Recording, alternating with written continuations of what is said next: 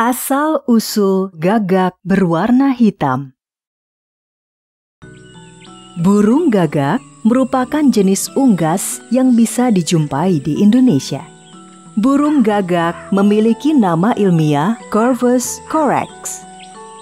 Burung gagak termasuk jenis hewan yang memakan apa saja, mulai dari biji-bijian, buah-buahan, serangga, ikan, hewan-hewan kecil lainnya, hingga bangkai. Burung gagak merupakan hewan omnivora yaitu hewan pemakan daging dan tumbuh-tumbuhan.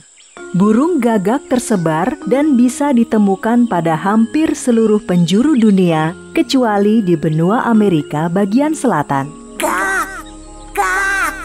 Pada zaman dahulu, burung gagak tidaklah berwarna hitam sebagaimana yang kita lihat sekarang ini.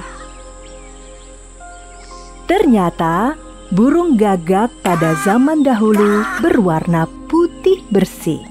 Tetapi, bagaimana ceritanya burung gagak bisa berwarna hitam pekat seperti sekarang ini? Mari kita simak dalam cerita berikut. Suatu hari, ada seekor ular sanca yang berjalan lemas karena kelaparan. Cuaca yang sangat panas dan rasa lapar membuat tubuh ular sanca berkeringat. Sembunyi di mana hewan-hewan itu? Tahu saja kalau aku sedang lapar berat. Hmm, panasnya. Ular sanca tiba-tiba mendengar suara air gemericik. Kepala ular sanca menoleh ke sana kemari mencari arah suara air tersebut. Ular sanca akhirnya menemukan sumber suara gemericik air tersebut. Ular sanca sangat gembira karena menemukan sebuah sungai kecil di saat cuaca sangat panas. Segar sekali. Ketika sedang asyik berendam, tiba-tiba ular sanca melihat banyak ikan berenang di sekitarnya. Makanan, makanan. ular sanca yang sudah sangat kelaparan tidak menunggu lama. Segera dia menangkap ikan-ikan yang berenang di dekatnya. Namun sayang, Ikan-ikan tersebut berenang dengan sangat gesit. Melihat ikan-ikan yang sulit ditangkap, ular sanca kemudian mengambil nafas panjang untuk mengumpulkan tenaga. Ular sanca kembali memburu ikan-ikan tersebut dengan tenaga yang lebih kuat. Ikan-ikan berenang semakin gesit. Ular sanca mengeluarkan seluruh tenaganya untuk menangkap ikan. Bahkan, kepalanya sampai masuk ke dalam air sampai setengah tubuhnya. Kepala ular sanca keluar dari dalam air sambil menggigit sesuatu. Namun, tidak lama kemudian, wajah ular sanca menjadi marah karena yang digigitnya ternyata hanya sebongkah batu bukan seekor ikan. Ular sanca menjadi sangat geram karena tidak satu ekor pun ikan yang berhasil dia tangkap. Tetapi ular sanca tidak patah semangat. Dia mendapatkan ide untuk menangkap ikan-ikan tersebut. Ular sanca menggigit sebuah pohon di pinggir sungai sedangkan ekornya melilit sebuah pohon di seberangnya lagi. Ternyata ular sanca mencoba mengeringkan aliran sungai. Rencananya berhasil. Air sungai mulai surut dan ikan-ikan menggelepar kehabisan air.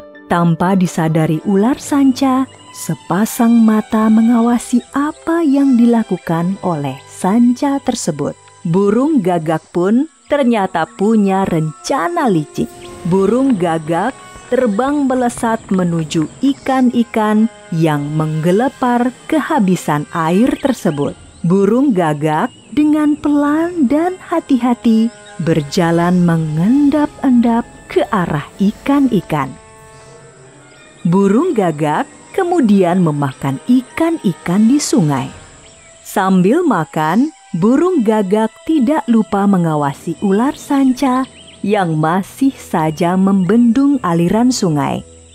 Sedangkan ular sanca yang bersusah payah membendung aliran sungai sedang membayangkan memakan ikan-ikan sampai perutnya kenyang burung gagak yang rakus itu pun memakan ikan terakhir yang ada di sungai. Burung gagak pun terkejut mendengar suara sendawanya sendiri. Dia pun menutup mulutnya sambil menoleh ke arah ular sanca. Ular sanca yang sedang membayangkan memakan ikan-ikan hasil jerih payahnya pun terkejut mendengar suara sendawa. Dia segera melepaskan gigitannya dan menoleh ke belakang. Ular sanca pun melihat seekor burung gagak yang terlihat kekenyangan. Hei gagak, berani sekali kamu menghabiskan ikan hasil jerih payahku. Aku sangat lapar, maka kamu yang harus aku makan. Ular sanca yang sangat marah tersebut segera mematuk burung gagak. Gagak yang ketakutan segera terbang melarikan diri. Burung gagak yang kekenyangan tersebut tidak kuat terbang jauh. Dia hinggap di sebuah dahan pohon. Ternyata ular sanca yang marah tidak berhenti mengejar burung gagak. Burung gagak yang terkejut tersebut segera terbang lagi. Ular sanca pun terus mengejarnya. Ke mana pun burung gagak pergi, selalu dikejar oleh ular sanca. Burung gagak kemudian lari ke sebuah perkampungan. Dia berharap ular sanca tidak akan berani mengejarnya di sebuah kampung. Dugaan burung gagak keliru.